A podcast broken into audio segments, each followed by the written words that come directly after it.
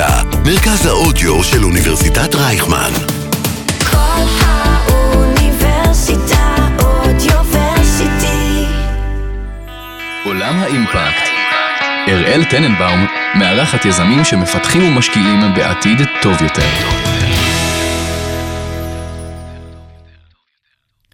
השקעות אימפקט הן אחד התחומים הצומחים ביותר בכלכלה המודרנית, ותכליתן לייצר השפעה חברתית לצד רווח כלכלי. אם בעבר המטרה המרכזית שעמדה בראש סדר העדיפויות של המשקיעים הייתה איך לעשות יותר כסף, היום יש עוד פרמטר. במקום סיכון תשואה, אנחנו נמצאים במצב בו המשוואה היא סיכון תשואה ואימפקט. אז מה זה בכלל אימפקט? המונח השקעות אימפקט נתבע בשנת 2007 במפגש בחסות קרן רוקפלר, והוא נועד להחליף את המונח השקעה חברתית. במילים הפשוטות ביותר, אימפקט הוא מידת התועלת של פעולה לבני אדם ולכוכב הלכת שלנו. הרעיון הוא לא רק לצמצם את ההשלכות השליליות, אלא ליצור באופן פעיל תוצאות טובות. והיום, זה אחד התחומים הצומחים ביותר, ועל פי The Global Impact Investing Network מוערך ב-1.164 טריליון דולר. אז איתנו כאן אה, ססיל בליליוס, אה, אחת מחלוצות התחום שהביאו את האימפקט לארץ. אה, היא הקימה את Impact First, וכיום היא ראש תחום אימפקט בקרן ההון סיכון הגדולה בישראל, קרן פיטנגו. אה, טוב, מה שלומך, ססיל? שלומי מצוין, בוקר טוב. בוקר מעולה. אז אולי תספרי לנו ככה מה, איך הגעת לעולם הזה של האימפקט, לתחום הזה. אה, היית בעצם אה, אחת מהחלוצות אה, שהגיעו עם זה לארץ. נכון, כמו כל דבר טוב בחיים, זה קרה במקרה. בעצם לפני קצת יותר מ-20 שנה, ניהלתי סטארט-אפ, ואז התפוצצה בועת הדוט קום. משקיעים הולנדים שלי שחשבו על הסיבה שכל העולם נכנס למשבר כל כך עמוק, הגיעו למסקנה שבעצם מה שקרה זה שנהיה איזשהו פיצול בין כסף לבין ערכים. והם חשבו שאולי הגיע הזמן לחבר את הדברים חזרה יחד. שאלו אותי אם אני רוצה לבוא לנסות את זה איתם, לחבר שלושה אה, קודקודים, כסף, ערכים וטכנולוגיה, ויאללה, איך אה, נעשה עם זה משהו. אה, המילים השקעות אימפקט לא היו קיימות, אה, לא ונצ'ר פילנט, כל הדברים האלה לא היו קיימים בכלל. אה, ובכיף הצטרפתי, ניהלתי במשך הרבה שנים את אה, כל הפעילות שלהם בארץ, שהייתה חלקה, מה שהיום היינו קוראים venture philanthropy, כלומר זו פילנטרופיה יותר אפקטיבית, מדידה עם תוצאות, ועד השקעות אימפקט בטכנולוגיה למטרות רווח, אה, כמו כל קרן הון סיכון. אמ, אחר כך ב-2011 הקמתי כבר את Impact First Investments, שהייתה בעצם חברת השקעות הראשונה בישראל שעשתה השקעות אימפקט וטכנולוגיה. אה, כשהמטרה הייתה אה, לפרוץ את הסכר הזה ולחבר את היזמות הישראלית הטכנולוגית עם עולמות האימפקט החברתי והסביבתי. אה, ובמסגרת הזאת באמת כבר זה התקדם, ואז כל השנים האלה יצא לי להיות במקום הנכון, בזמן הנכון, ולעזור להרבה אנשים טובים שרצו לעשות דברים בעולמות האימפקט, להקים בעצם את כל האקוסיסטם. אז בעצם היום את בפיטנגו. אה, שהיא בעצם אה, קרן אה, ההון סיכון הגדולה בישראל. איך נוצר החיבור הזה ביניכם? איך, איך הגעת לשם? אז בזמן שעבדתי עם הקרן ההולנדית, עם קרן נובר, אחד הדברים שמאוד רצינו לעשות זה לשנות פרדיגמות, ובאמת לעשות דברים מ-0 ל-1. למשל, אנחנו הקמנו את החברה הראשונה בארץ שהכשירה והעסיקה חרדים בתכנות, לא היה קיים קודם. וואלה. אה, וגם השק... אה, הקמנו בעצם את, את הקרן הראשונה בישראל שהשקיעה ביזמים ערבים, את אה, אלבה וואדר.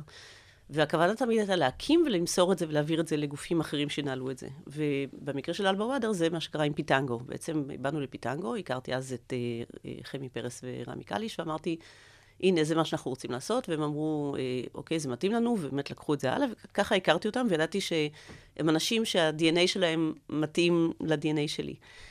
אמ, אחרי שהקמתי את אימפקט פרסט, חשבתי, אוקיי, אני צריכה שיהיה לי אה, ייצוג של קרן, ורציתי שותפות של אנשים שזה מה שהם עושים. כלומר, 30 שנה עושים אה, השקעות בחברות סטארט-אפ, ואני צריכה את העזרה שלהם. ופניתי להם ואמרתי להם, תקשיבו, אה, למה אתם לא עושים השקעות אימפקט?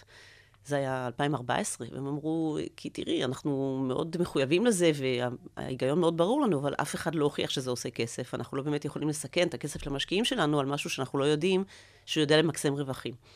אבל אנחנו כן אה, רוצים לתמוך בזה, ולכן אנחנו נתמוך באימפקט פרסט, והם נכנסו כשותפים שלי באימפקט פרסט. אה, ומאז בעצם התחלתי לעבוד איתם באופן מאוד מאוד צמוד, הם נתנו לי המון המון משאבים, והיו מאוד מחוברים בכל צורה. וגם ישבתי אצלם במשרד, כך שאותם כבר הכרתי מאז, ולכן המעבר, שלי לפיטנגו לפני שלוש שנים כבר היה הרבה יותר uh, חלק. אה, אז אחרי זה בעצם, אחרי שעבדתם אה, יחד, הם פנו אלייך והם אמרו לך, אנחנו רוצים להקים מחלקת אימפקט, או כאילו איך זה עבד? לא, זה היה לדעתי יותר חכם מזה, כי אני כל הזמן, כל הזמן רוצה לעשות scale לאימפקט. אני רוצה לפרוץ את הגבולות של הז'אנר. אני לא רוצה שהשקעות אימפקט, או בכלל התפיסה הזאת ש... של לעשות משהו טוב חברתית או סביבתית, זה צריך להיות איזה נישה, אני, זה, זה מרגיז אותי אפילו. ובשביל לעשות mainstreaming צריך ללכת למיינסטרים. וקרן פיטנגו היא קרן מיינסטרים, היא קרן ג'נרליסטית שמשקיעה בהרבה תחומים, בהרבה שלבים. היא קרן שקיימת כבר 30 שנה, מאוד מוצלחת, השקיעה בהמון חברות שאנחנו מכירים. ובעצם ה- לסדר את עולם האימפקט כקרן נפרדת, או איזה מין מחלקה נפרדת, זה לא מה שאני רציתי, זה גם לא היה עושה scale. אה, מה שקרה זה בדיוק הפוך. זאת אומרת, הם באו ואמרו, אוקיי, אנחנו קרן הון סיכון, אנחנו לא מתכוונים לשנות את זה, לא, לא אה, נעשה שום אה, ויתור על הרווחיות של, שאנחנו מבטיחים למשקיעים שלנו, אבל אנחנו כן רוצים לאמץ את עולמות ה-ESG, האימפקט, ה-sustainability, ה-climate, כל העולמות האלה, לתוך מה שאנחנו עושים כמיינסטרים פיטנגו. בואי, בואי תעשי את זה אצלנו. ובשבילי זו הייתה הזדמנות אדירה, כי אני הסתכלתי בעולם בשביל לחפש קרנות שעשו את זה, קרנות הון סיכון, ולא מצאתי אף קרן. לא היו? לא היו. אז אמרתי, אוקיי, אני בתור יזמת, אני אוהבת להתחיל דברים פעם ראשונה, אמרתי, יאללה, זה המקום. אמ, הצטרפתי ובאמת בניתי אסטרטגיה שהמטרה שלה לא הייתה לעשות אימפקט כפעילות נפרדת, אלא בדיוק הפוך, להכניס את זה לכל הקרנות. פיטנגו עובדת בשלוש קרנות במקביל, גם בהשקעות אה, early stage, גם בהשקעות צמיחה וגם בהשקעות בעולמות של בריאות, אה, מזון וכולי. ואמרתי, אוקיי, איך אנחנו מכניסים את המתודולוגיות האלה של העולמות שלי לתוך קרן שהיא מיינסטרים, שהיא לא קרן אימפקט. כלומר, מלכתחילה קיבלתי את העובדה שיכול להיות שחלק מההשקעות, ובאמת זה ככה, הן לא השקעות אימפקט. הן השקעות שעדיין צריכות שה-ESG שלהם יהיה טוב, שיעמדו בסטנדרטים טובים של גיוון והכלה, ושיקטינו את אה, הפגיעה אה, בכדור הארץ, יקטינו פליטות פחמן, כל הדברים האלה שיתנהלו כמו שתאגיד צריך להתנהל בצורה טובה, וחלק מהחברות יישארו שם, וזה מספיק. מבחינת פיטנגו זה good enough. אבל בגלל ה-DNA המיוחד של המייסדים של פיטנגו, הבנתי שיש פה הזדמנות באמת ללכת הלאה. וכשהסתכלתי על הפורטפוליו של פיטנגו, גיליתי שבערך 70% מהחברות הן חברות שאשכרה עושות אימפקט. אבל הן אף פעם לא תהיגו את עצמן ככאלה, הם לא הכניסו את זה כחלק מהמודלים שלהם, כי כאמור, זה לא מה שמלמדים בבתי ספר לכלכלה ומנהל עסקים שצריך לערבב את הדברים, וגם לא תמיד זה לגמרי ברור מה בדיוק האימפקט שרוצים לעשות. אז אמרתי, אולי ESG זה טוב לכולם, וגם לחברות האלה, אבל אלה שיכולות גם להטמיע מתודולוגיית אימפקט, להבין איך המוצר שלהם והמודל העסקי שלהם מחובר ל-Sustainable Development Goals, ואפשר להוכיח שה-Product Outcomes שלהם קשורים לזה, בואו נלך עד הסוף. ובעצם האסטרטגיה אומרת, מי שיכול להגיע עד, עד הסוף, להיות ממש SDG aligned, ייכנס לשם, ומי שיעצור ב-ESG, זה גם סבבה. אז באמת אה, אמרת פה כל מיני מושגים, אה, ESG, SDG, באמת אה, עולם האימפקט, יש לו מילון מושגים רחב. אז אולי ככה תסבירי לנו מה, מה בדיוק המושגים האלה אומרים, כזה ככה להבין יותר. כן, אז קודם כל יש מילון מושגים, כדאי אה, להסתכל עליו, ובקהילה של אימפקט ניישן יש אה, מילון שאביב רוזנהיים כתב, שזה אה, כדאי להשתמש בו, יש בו את כל הדברים שצריך לדעת. אבל בגדול, ממש אפשר לחלק את זה לשני חלקים. העולם של ה-ESG, זה environment, social ו-governance, זה בעצם מתייחס למה שתאגיד עושה פנימה. וזה כללים שנמצאים ברגולציה, אה, באירופה הרגולציה מאוד חזקה, בארצות הברית היא חלקית אבל היא מתקדמת, אה, ולמעשה מדובר בעצם. בכל הדרך שהחברות מתנהלות פנימה על נושאים כמו שרשרת האספקה, אה, מאיפה מביאים אה, חומרי גלם, איך מעסיקים אנשים, גיוון, הכלה, איזה נהלים יש בחברה, איך מיישמים אותם, וכמובן, כל העולמות האלה שאנחנו שומעים עליהם, על נט זירו, וחברות שמתחייבות להורדת פליטות הפחמן שלהם, עד לרמת איפוס פליטות הפחמן, זה עולמות של ה-ESG. אה, עולמות האימפקט הם עולמות שנוגעים למוצר ולמודל העסקי והחוצה. כלומר, איזה השפעה יש לחברה הזאת ולמה שהיא מייצרת, בין, גם אם זה ייצור אה, וירטואלי של תוכנה, אה, על העולם, ואיזה השפעה חברתית או סביבתית יש לזה. ופה, לצערי, שני העולמות האלה הרבה פעמים לא נפגשים. וזה אם יש לי איזשהו, ה quest הבא, נגיד, אם קודם זה היה לעשות mainstreaming לאימפקט, אז עכשיו זה לחבר את עולמות ה-ESG וה, והאימפקט. עולם האימפקט נמדד על פי ה-Sustainable Development Goals, ה-SDGs, 17 יעדים שהאו"ם אה, כתב אותם ב-2015 כדי לעשות framing לבעיות שיש בעולם, גם מבחינה חברתית וגם סביבתית, ואיך כדאי אה, להגיע לפתרונן עד שנת 2030. וזאת הדרך שבה אנחנו בעצם מודדים האם החברות כן או לא עושות אימפקט. אבל כאילו אין חיבור בין שני עולמות. היום בערך שליש מההון המנוהל בעולם מנוהל על פי פרמטרים של ESG, וכולל חברות שהן נורא נורא מזיקות. אה, שיש להן מוצר מאוד מזיק, אבל אם הן מתנהלות פנימה בצורה שהיא אה, עומדת בסטנדרטים טובים של ESG, אז הן נמצאות במדדי ESG והכל סבבה. בעיניי זה כאילו, הזוי. בעצם, נגיד חברה שהיא, לא יודעת, אה, סיגריות או בתי כלא פרטיים בארצות הברית, שמתנהלים פנים-ארגונית נכון, יכולים לחשב בעלי ESG גבוה. בדיוק, בדיוק. ובעצם כשאנחנו לא מסתכלים על זה בצורה הוליסטית, אנחנו מפספסים פה המון. אגב, גם ההפך הוא נכון. יכולה להיות חברה שיש לה אימפקט מאוד מאוד גדול עם המוצרים שלה, שמתנהלת בצורה איומה, עם toxic environment והטרדות מיניות על ימין ועל שמאל. אז גם לא בסדר. זאת אומרת, אני חושבת שתפקידנו כמשקיעים, ותפקידנו כצרכנים, ותפקידנו כעובדים, ובכלל, אנשים שמתנהלים בעולם, זה לא להסתכל על אה, חלק מהתמונה, אלא להסתכל על התמונה כולה. וכשמסתכלים ובוחנים חברה, צריך להסתכל על כל המנעד. ולדעתי, אחד לא יכול לבוא בלי השני, וזאת המדיניות שאני גם מייצגת אה, בפיטנגו. זהו, הייתי רוצה להאמין שזה הולך ביחד, אה, שחברה שעושה אימפקט, יהיה לה גם מדדים טובים של כלפי פנים, ולהפך, אבל יכול להיות שגם לא. איך מודדים את זה? איך אפשר למדוד את זה כמו שצריך?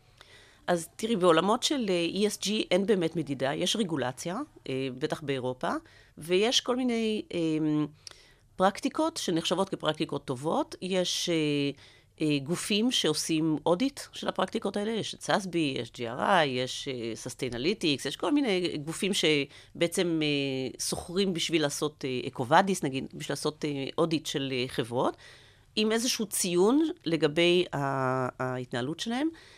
צריך פה לציין שעולם ההייטק הוא האחרון שנכנס למשחק, ולכן הרבה מהמדדים האלה שנמצאים היום בשאלונים האלה לא באמת מתאימים כל כך לחברות הייטק, בטח לא לחברות תוכנה. אז יש כאן עוד פער ללכת, והעולם הזה הוא לא לגמרי ברור. את יכולה לקחת אה, שני יועצים שונים, אפילו על אותה מתודולוגיה שייתנו לך סקור אחר. זה, זה עדיין עולם מאוד מאוד אה, לא לגמרי שקוף.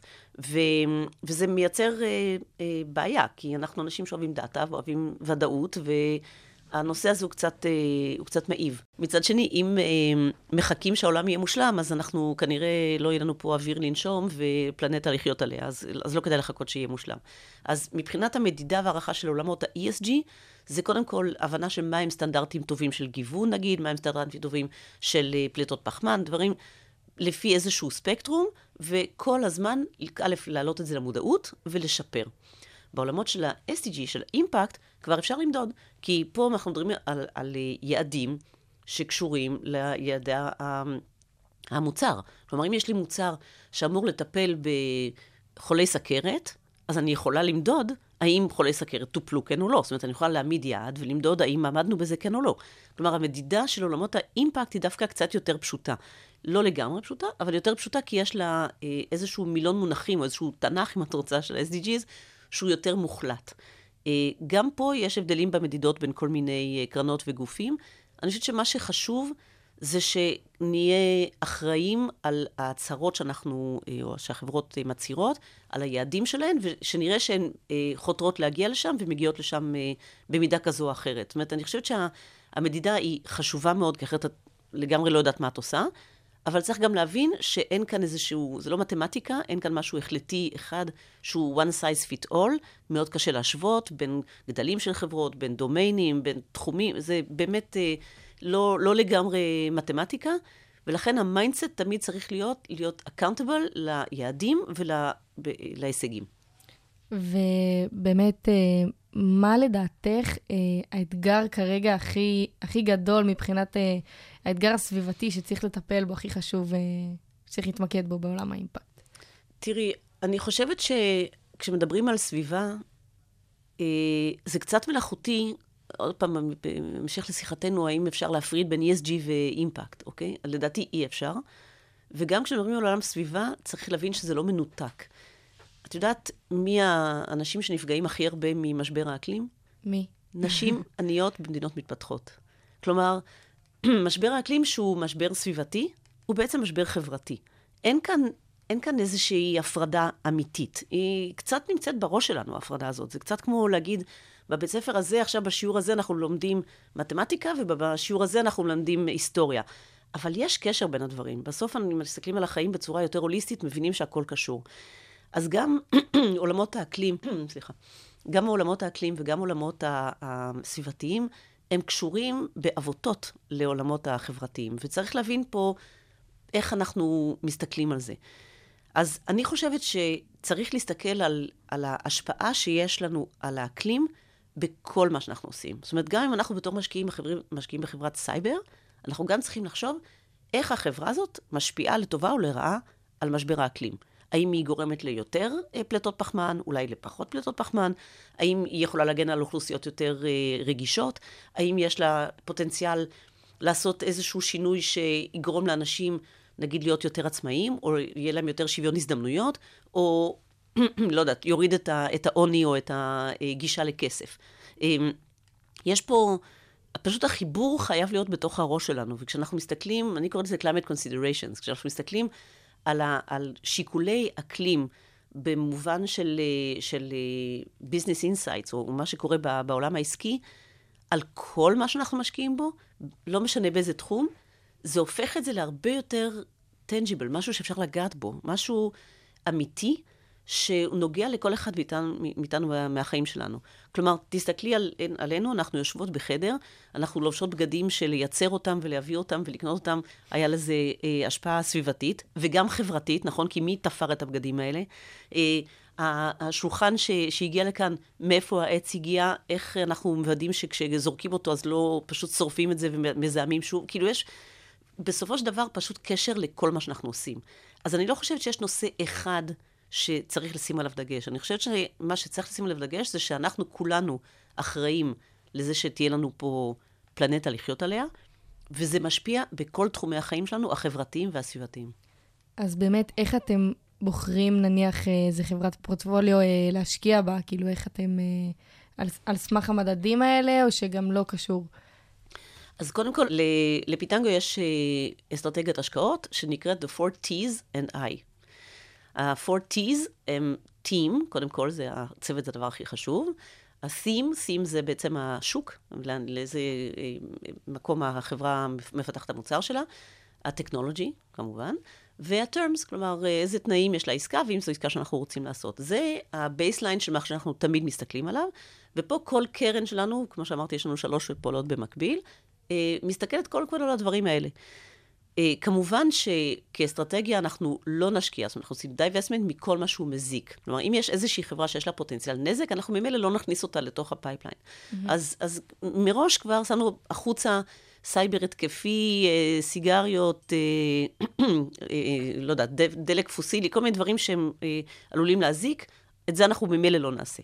אז הפילטר הראשון הוא ה-4T's. כלומר, קודם כל, האם צוות ההשקעות של אותה קרן רוצה, בכלל מעניין אותו להשקיע, או שחבל על הזמן בכלל אה, להתאמץ. אם זה משהו שמאוד אה, נראה להם והם רוצים להתקדם איתו, זה הזמן שנכנס ה-I, וה-I זה האימפקט. ואז בעצם אנחנו מוסיפים פילטר נוסף, שהוא חלק מהריוויו שלנו של החברות, שגם הולך לוועדת השקעות, שבו אנחנו, בעצם אני עובדת עם הצוות, ואני אומרת, אוקיי, בוא נסתכל רגע על החברה, ונחשוב קודם כל, האם זאת חברה שיש לה פוטנציאל לאימפקט, או אין לה. אם יש לה, אז יופי, אז נלך, באמת נחשוב מה פוטנציאל האימפקט שלה, נעשה איזשהו ניתוח אה, שלנו. אם אין, זה גם בסדר, אבל בואו נבדוק האם החברה, אם היא כבר קיימת, איך היא מתנהלת, איך הגיוון אצלה, האם יש להם מודעות לעולמות אה, סביבתיים וחברתיים, האם יש להם מוכנות לעבוד איתנו על שיפורים וכולי. אם זו חברה שהיא ממש שני יזמים ומצגת, אז בואו נבנה איתם את התוכנית ESG שלהם ונחשוב ביחד איזה מין תרבות ארגונית הם רוצים שתהיה לחברה שלהם, איך הם רוצים להקים אותה. נשים את האסטרטגיה הזאת במגירה, וכל פעם שהם יגדלו, הם יחשבו, אוקיי, מה בעצם החלטנו? אה, אנחנו רוצים להיות יותר ירוקים. אוקיי, מה זה אומר לגבי, נגיד, איפה נבחר לשים, למקם את המשרד שלנו? איך נעודד את העובדים שלנו לבוא בתחבורה שיתופית, או תחבורה ציבורית, או אולי בתחבורה חשמלית? איך אה, נחשוב על הפליטות פחמן שלנו? ולא סתם פשוט ניקח איזשהו משרד כי הוא איפשהו, ואז נגיד, אה, אוקיי, איך נעשה את זה יותר ירוק? לא, אם כבר אנחנו בסטארט-אפ מאוד קטן, שמתחיל לעבוד, אז מעולה, יש, אה, זה, זה הפוטנציאל. או אנחנו רוצים שיהיה לנו צוות מגוון, מעולה. איך עושים צוות מגוון? לא מתחילים בלגייס חבר מביא חבר מביא חבר, ואז מגלים שיש 30 גברים לבנים בצוות, אלא מראש חושבים, אוקיי, איך כותבים הודעת דרושים? מאיפה מביאים את, ה, את המועמדים? איך גורמים לאנשים שהם לא גברים לבנים להרגיש בנוח ונעים אצלנו, שהם ירצו לעבוד אצלנו? אה, כאילו, כשחושבים על הדברים מראש, זה כבר מייצר תרבות ארגונית אחרת, אוקיי? איך לא מייצרים פערי שכר בין גברים ונשים. זה דברים שאפשר לעשות, ליצור אותם ממש מההתחלה, ובחברות שהן כבר קיימות וכבר עובדות, ויש להן כבר אה, אה, צוות, אז פה אנחנו עושים איזשהו פער, איזשהו אה, אה, אה, בדיקת פערים, האם, איפה הם מתנהלים מעולה, איפה הם מתנהלים פחות טוב ואפשר לשפר, והאם יש להם רצון לשפר. וזה, כל זה חלק מהחבילה שהולכת לשיקול דעת של ועדת ההשקעות. אז uh, יצא לכם, נגיד, שהגיעה אליכם חברה והיו בה, לדוגמה, 30 גברים, ואמרתי להם, אה, חבר'ה, אתם צריכים uh, uh, להעסיק קצת נשים? כאילו, אתם, uh, איך זה עובד מבחינתכם? לא 30 גברים, זה קצת הגזמתי, אבל כן, בהחלט יש uh, קושי, בעיקר בעולמות של פיתוח תוכנה, uh, להביא יותר נשים. וגם החברות לא מספיק מגוונות בצוותי ההנהלה שלהם, ואנחנו רוצים לעזור להם. והגישה שלי זה, זה שני דברים חשובים. הדבר הראשון זה שאני תמיד באה מהצד של הביזנס. זאת אומרת, אני תמיד מנסה להביא ערך לחברה בצד העסקי שלה. איך אפשר לשפר את המוצר, איך אפשר לחשוב על מודלים עסקיים או על שיפורים למוצר שהם לא חשבו עליהם, כי הם לא הסתכלו דרך המשקפיים החברתיים והסביבתיים, ותכלס הם עושים משהו מאוד אה, סביבתי, אבל הם פשוט לא יודעים אותו, אז אולי אפשר להוסיף את זה. זאת אומרת, אני תמיד מנסה להביא את הפן העסקי לתוך הערך שאני מביאה לחברה, אפילו בלי לדבר על ESG. זאת אומרת, זה לא איזה מין אה, אה, תיק כזה שיאללה, בואו, אוף, עכשיו צריך לעשות ESG בשביל לסמן איזשהו V באיזושהי קופסה, ושיאללה, תעזבו אותי באמא שלכם, כי יש איזו רגולציה או משהו. לא. בואו נעשה את זה כי זה מביא לכם ערך, כי זה מגוון לכם את הצוות, כי זה יביא לכם רעיונות חדשים לפתרון בעיות או אתגרים או מוצרים. כי זה ייתן לכם ערך של איך אתם מציירים את החברה שלכם, ואיזה נרטיב אתם מספרים גם לעובדים שאתם רוצים להביא, וגם ללקוחות שלכם, וגם למשקיעים שלכם. כל הדבר הזה בתור הערך. אז זה חלק ראשון, תמיד דרך הביזנס. אה, והחלק השני, זה תמיד לבוא עם הגזר ואף פעם לא עם המקל. כלומר, כשאני אומרת לחברה, תקשיבו, אתם לא מספיק מגוונים, אני רוצה שהם אה, יחשבו, אוקיי, מאיפה אני מביאה עכשיו את, ה, את הגיוון? כלומר, אם אני אבוא אליהם ואני אגיד להם, אוקיי, לכו תגוונו את הצוות שלכם, ואני זורקת אתכם למים, ועד עוד אה, חודשיים תראו לי שגיוונתם את הצוות, זה לא, זה לא הגישה הנכונה וזה גם לא יעבוד. להפך, אני באה עם אה, גישה לפולים של אנשים שאולי אין להם גישה אליהם, אני יודעת לעזור להם לכתוב את ה... דרישות משרה בצורה שהיא יותר אינקלוסיב, שיותר אולי נשים יגישו. אני יודעת להביא את, ה, את הקשר עם אוכלוסיות מגוונות, זה למשל בנושא הזה. או בנושא של אה, הורדת אה, פליטות פחמן, זה לא פשוט להגיד, יאללה, תורידו פליטות פחמן, זה לא עובד ככה. צריך לבוא עם הצעות פרקטיות, עם, עם הבנה אמיתית של איך אפשר לרתום נגיד את העובדים לכל מיני פרויקטים מעניינים בתוך החברה של בואו נוריד את הפלסטיק החד פעמי מהחברה, בואו נחשוב על דרך אחרת שאפשר לעשות את הדברים בצורה יותר ידידותית לסביבה. תתפלאי כמה אנשים רוצים להירתם לזה, שזה לא הדיי ג'וב שלהם, שהם פשוט רוצים כי זה מעניין אותם. אז תמיד לבוא בטוב, ותמיד לבוא עם עזרה ועם כוונה אמיתית לייצר ערך שהוא גם בסוף מתרגם את עצמו לערך כלכלי. כי בסופו של דבר, בפיטנגו אנחנו ממקסמים רווחים, ואנחנו מאמינים שהחברות האלה, שהן אה, conscious לעולמות של ה-ESG, ובמיוחד לאימפקט, הן גם החברות שהיזמים שלהם הכי טובים, שמביאים את העובדים הכי טובים, שהן עובדות הכי טוב על ה mission שלהם, שיש להם את המשקיעים הכי טובים, יודעות לעשות stickiness ללקוחות, ובסוף זה מביא יותר רווח. וזה באמת מביא יותר רווח, באמת, כי כולם אומרים עכשיו אימפקט, אימפקט, ו... וזה באמת אה, נהיה כזה, כולם מדברים על זה, ורציתי לשאול לך באמת, האם זה מדיד שקרנות שעושות נגיד אימפקט, או, או סטארט-אפים, או מיזמים שעושים אימפקט באמת רווחיים יותר, או, ש... או שהסקפטים אה, צודקים?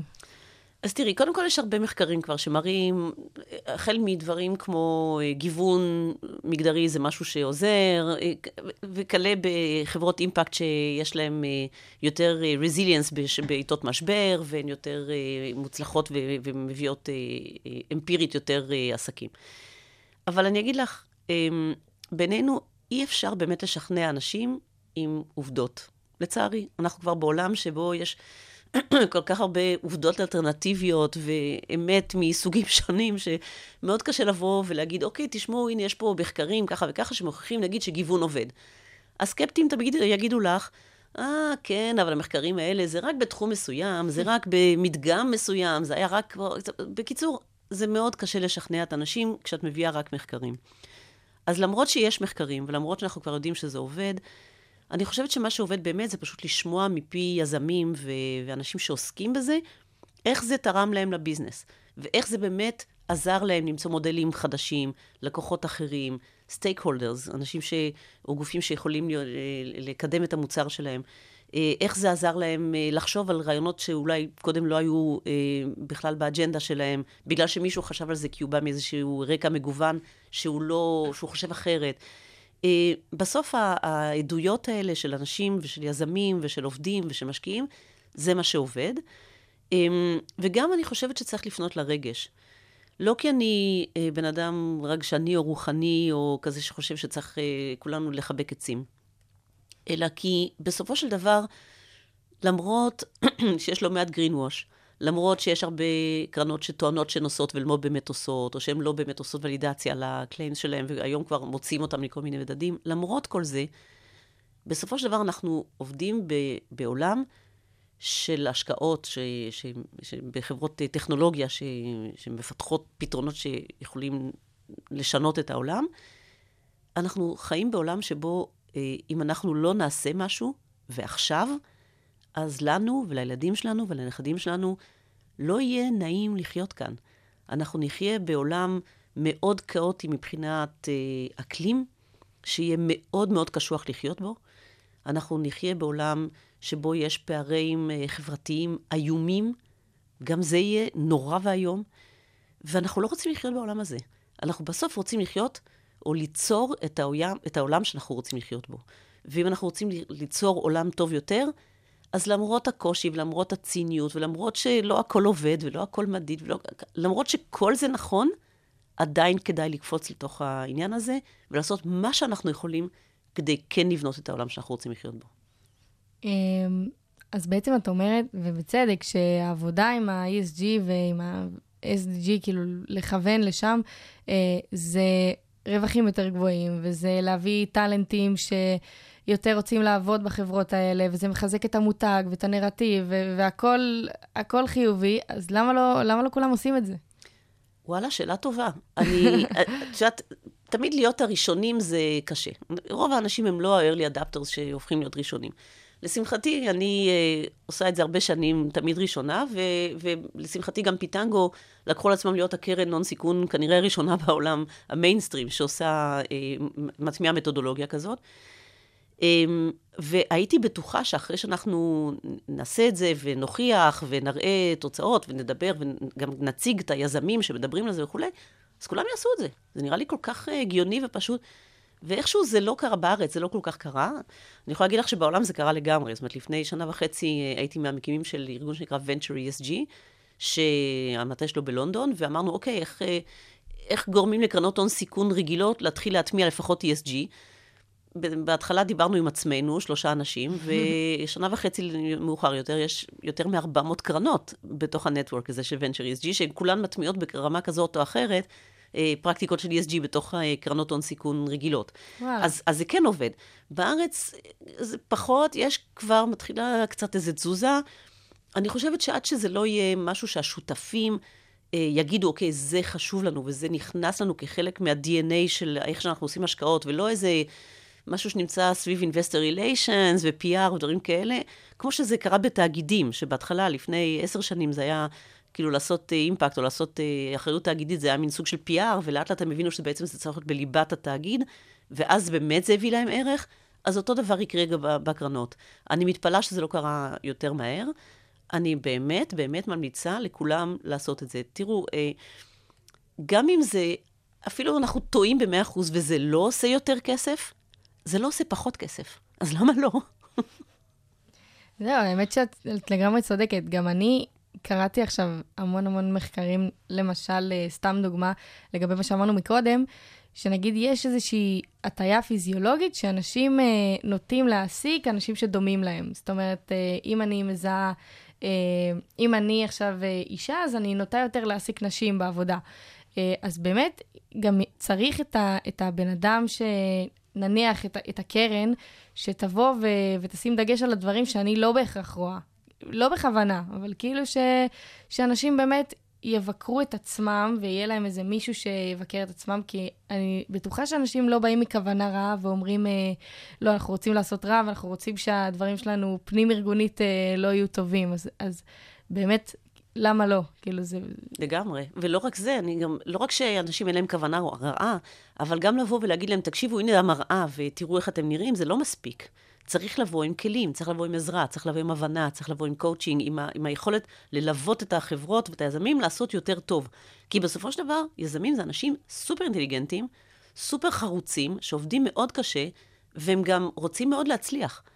אז אין להם זמן, ואין להם יכולת להתעסק בדברים שהם שוליים. לכן זה חייב להיות בליבת הביזנס שלהם, וזה צריך להביא להם ערך, אבל בצורה שיכולה ללוות אותם, להגיע לשם. לא פשוט לזרוק אותם למים. אמ, עכשיו, אגב, היום החברות, גם סטארט-אפ קטן מישראל שמוכר לתאגיד אה, גדול בעולם, צריך uh, לעמוד היום ברגולציה שהתאגיד שהוא מוכר לו עומד בה. כלומר, אם היום את רוצה למכור, נגיד, ל... לא יודעת, AT&T או לבנק גדול ב, ב, שנסחר, שהוא ציבורי ב, באירופה, אז הבנק עצמו מחויב לפרקטיקות של ESG, שהוא משית על כל ה-supply chain שלו.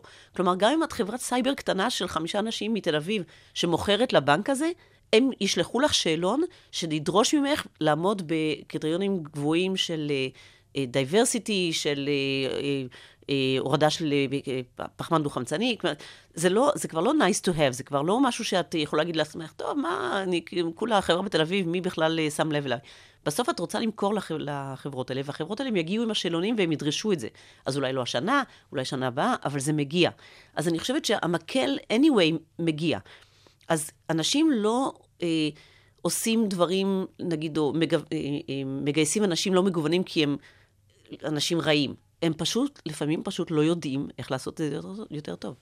ויש אנשים שמנצלים את, ה, את השיטה, שמצהירים על עצמם כל מיני דברים אה, אה, מסלפים קצת את המידע כדי להיראות uh, ESG, או ש... ברור, ברור. היום, ב... אני חושבת קל. שבעולם, uh, עד לפני בערך שנה, שנה וחצי, היו עסוקים בעיקר בלספור כמה עוד כסף מנוהל תחת פרמטרים של ESG. כל הזמן זה היה יותר גדול, יותר גדול. ובשנה וחצי האחרונות גילו שהרבה מאוד מהתאגידים והגופים, ההשקעות וכולי, שאומרים שהם עושים את זה, והם לא באמת עושים את זה, אז קודם כל הרגולטור לגמרי נכנס בהם, היו כבר משפטים סביב הנושא הזה, דויטש בנק חטף ביג טיים, אה, כן, כן, זה, זה, זה, כי זה פלילי, להצהיר דברים שאת לא עושה, זה פלילי. אז לאט לאט, פתאום עכשיו, בשנה וחצי האחרונות, אני רואה שמורידים, מקטינים כל הזמן, כי כל מיני גופים שהם לא באמת עושים, או לא יכולים להגיד בצורה ברורה שהם עושים, אז המנהלים אומרים, רגע, למה אני צריך להסתבך אה, עם הרשויות ולאישומים פליליים, ולהצהיר משהו שאני לא באמת עושה? אז זה מחדד את, ה, את השוק, וזה מכווין אותו, ואני חושבת שזה דבר טוב שקורה. זאת אומרת, לא כל אחד שמרגיש לו טוב ועושה לו נעים אה, לחשוב שהוא גייס אישה באיזשהו תפקיד, יופי, אז הוא מגוון, גמרנו, יכול לסגור את הפינה. זה לא עובד ככה. אז כן צריך אה, לבוא עם המון כוונה, אבל גם צריך לבוא עם מקצועיות, ולעבוד על זה, ולהיות אה, הבן אדם שהוא חושב על הדברים האלה כחלק מה, מהליבה של העשייה שלו, ולא באיזה משהו שאומר, אוקיי, אני אצבע את עצמי בצבעים האלה, ואני אוציא איזה דוח יפה, ודיינו. אז איזה טיפ באמת היית נותנת אה, ליזמים צעירים שרוצים אה, לעשות מיזם טוב ולבנות אותו טוב מהבסיס? אז קודם כל, יזמים, כמו שאמרתי, זה אנשים אינטליגנטים ומאוד מאוד חרוצים, שרוצים לפתור בעיה שהם רואים, נכון? היום כבר אה, יצאנו כבר מהפרדיגמה שבונים טכנולוגיה ואז מחפשים לעשות איתה, אלא מזהים בעיה אמיתית ואומרים, אוקיי, זה אני יודעת אה, להקים משהו שיש לו פתרון טכנולוגי, בעולמות שלי בטכנולוגיה, אה, שיכול לפתור את הבעיה הזאת. מה שאני מציעה זה קודם כל לאנשים האלה רגע לפתוח את הראש ולשאול את עצמם האם הבעיה שהם באים לפתור, האם אפשר להגדיר אותה גם דרך משקפיים חברתיים או סביבתיים. ותתפלאו כמה זוויות חברתיות וסביבתיות יש לדברים שבכלל לא חושבים עליהם ככה. פשוט כי זה לא הדיסציפלינה, לא רגילים לחשוב ככה. אז אני קודם כל מציעה לכל יזם או יזמת לשאול את עצמה, האם למה שאני באה לפתור יש איזשהו אה, פן חברתי או סביבתי, אפילו קטן, והאם זה יכול להיות חלק ממה שאני מציעה כחלק מהפתרון שלי. אם, אם כן, מעולה, אז בואי, אני מציעה שבתור יזמת תיקחי אה, קצת עזרה מיועצים שנמצאים בשטח, ו, ותנסי לבנות איזושהי אסטרטגיית אימפקט של הסטארט-אפ שלך. אם לא, זה גם בסדר. קודם כל, תשאלי את עצמך האם את חלילה מזיקה. ואני מאוד ממליצה ליזמים ויזמיות לא להזיק בעולם. אה, אני יודעת שלפעמים זה עושה הרבה כסף, ויש דברים שממכרים אנשים להימורים לצורך העניין, או דברים כאלה, זה באמת יכול לעשות הרבה כסף, אבל בואו תחשבו, בסוף אתם הולכים עם עצמכם בלילה, מסתכלים על עצמכם במראה, האם זה העולם, או האם זה הקריירה שאתם רוצים לפתח? לא בטוח. אז אני תמיד מציעה לעשות, לחשוב בטוב.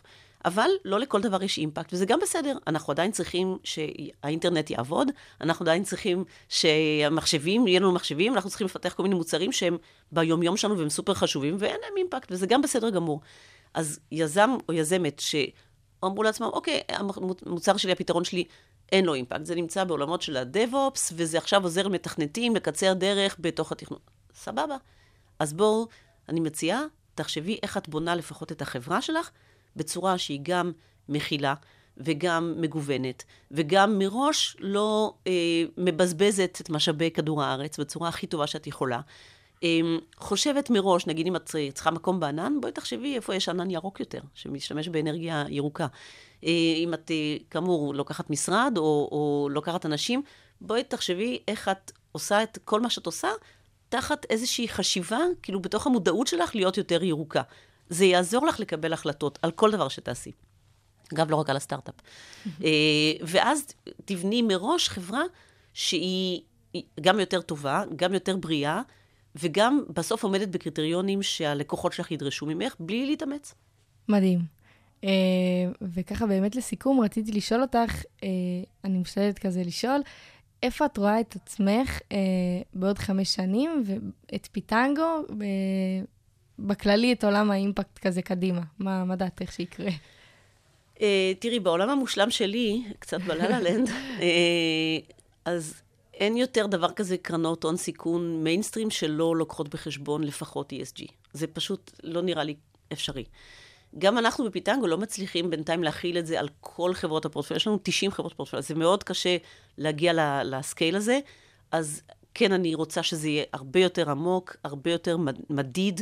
בישראל עדיין מאוד קשה למדוד uh, פליטות פחמן, אנחנו רק בתחילת הדרך, זה, עדיין יש פה הרבה חינוך שוק לעשות, ואנחנו עוסקים בזה. אז תוך חמש שנים אני מקווה שכבר לא יצטרך לחנך אף אחד, וכולם ידעו למה חשוב להיות מגוון, אה, שיהיה הרבה יותר נשים אה, יזמיות, הרבה יותר נשים בהנהלות, הרבה יותר נשים בבורדים, אה, שהחברות יהיו הרבה יותר מגוונות, לא רק גברים נשים, דרך אגב, זה גם אוכלוסיות אחרות ש, שצריכות להשתתף יותר במשחק בעולמות ההייטק, שהן לא מספיק מיוצגות. אמ, וכמובן שזה יהיה בעולם גם ככה, זאת אומרת, לא רק בישראל, אבל בישראל אנחנו טיפה מפגרים. הייתי שמחה אם הייתה רגולציה סביב הנושא הזה, בטח בעולמות של חברות ציבוריות. אה, היום עדיין אין מספיק אה, רגולציה. הייתי שמחה אם הממשלה הייתה חושבת על איך היא יכולה לקדם את, את הפרקטיקות של, קודם כל ESG כ baseline לכל דבר, גם בפרקטיקות שלה, אבל גם אימפקט. ואם הידע היה מונגש יותר טוב והציבור היה יותר מודע. כי בסופו של דבר, הדור הצעיר הוא האנשים שכולם רוצים שיהיה הלקוחות שלו, העובדים שלו והמשקיעים שלו. ולכן זה עליכם, זאת אומרת, זה, זה נמצא בידיים של, של דור המילניאלס וה, והג'ן זי, להגיד, אוקיי, אני לא רוצה לעבוד בחברה שאין בה לפחות 50% נשים בהנהלה. אני לא רוצה לעבוד בחברה שמזיקה. אני רוצה לעבוד בחברה שעושה דברים טובים לאנושות, ושאני יכולה ללכת uh, לעבודה בחיוך ולהגיד לעצמי, וואלה, עשיתי משהו חשוב היום. Um, בסופו של דבר, אני חושבת שאם אנחנו נמשיך ללחוץ ונעשה עוד דברים, כמו הפודקאסט הזה, כמו באמת להביא את זה לידיעת הציבור בכל הרבדים, אנחנו נגיע לזה שזה פשוט, לא, זה יהיה unacceptable שהחברות לא יהיו כאלה. זה, לשם אני רוצה להגיע, ואני חושבת שבחמש שנים האלה אפשר להגיע לשם. גם רואים את זה, שהמילניאלס ו... והדור הצעיר, אכפת להם, כאילו, אכפת מה, מהמטרות של החברה, והם כבר לא יתגאו אה, להגיד, אה, אני עובדת בהייטק, אלא ממש אה, ירצו לדעת שהחברה עושה משהו חשוב, או לפחות לא, לא מזיקה. בדיוק. אה, טוב, תודה רבה רבה, היה לי סופר מעניין. Uh, וזה באמת נושא חשוב, ואני מקווה שבאמת בחמש שנים הקרובות אנחנו נהיה בנקודה אחרת לגמרי כבר. אמ, ותודה רבה רבה לכם, המאזינים, שהקשבתם לעוד פרק והגעתם אה, עד לכאן. אה, אתם מוזמנים אה, להמשיך ולהזין את שאר הפרקים בכל אפליקציות הפודקאסטים, בספוטיפיי, באפל פודקאסט. ותודה רבה, שיהיה המשך יום מעולה. ותודה רבה לך, אראל. עולם האימפקט. אראל טננבאום מארחת יזמים שמפתחים ומשקיעים בעתיד טוב יותר.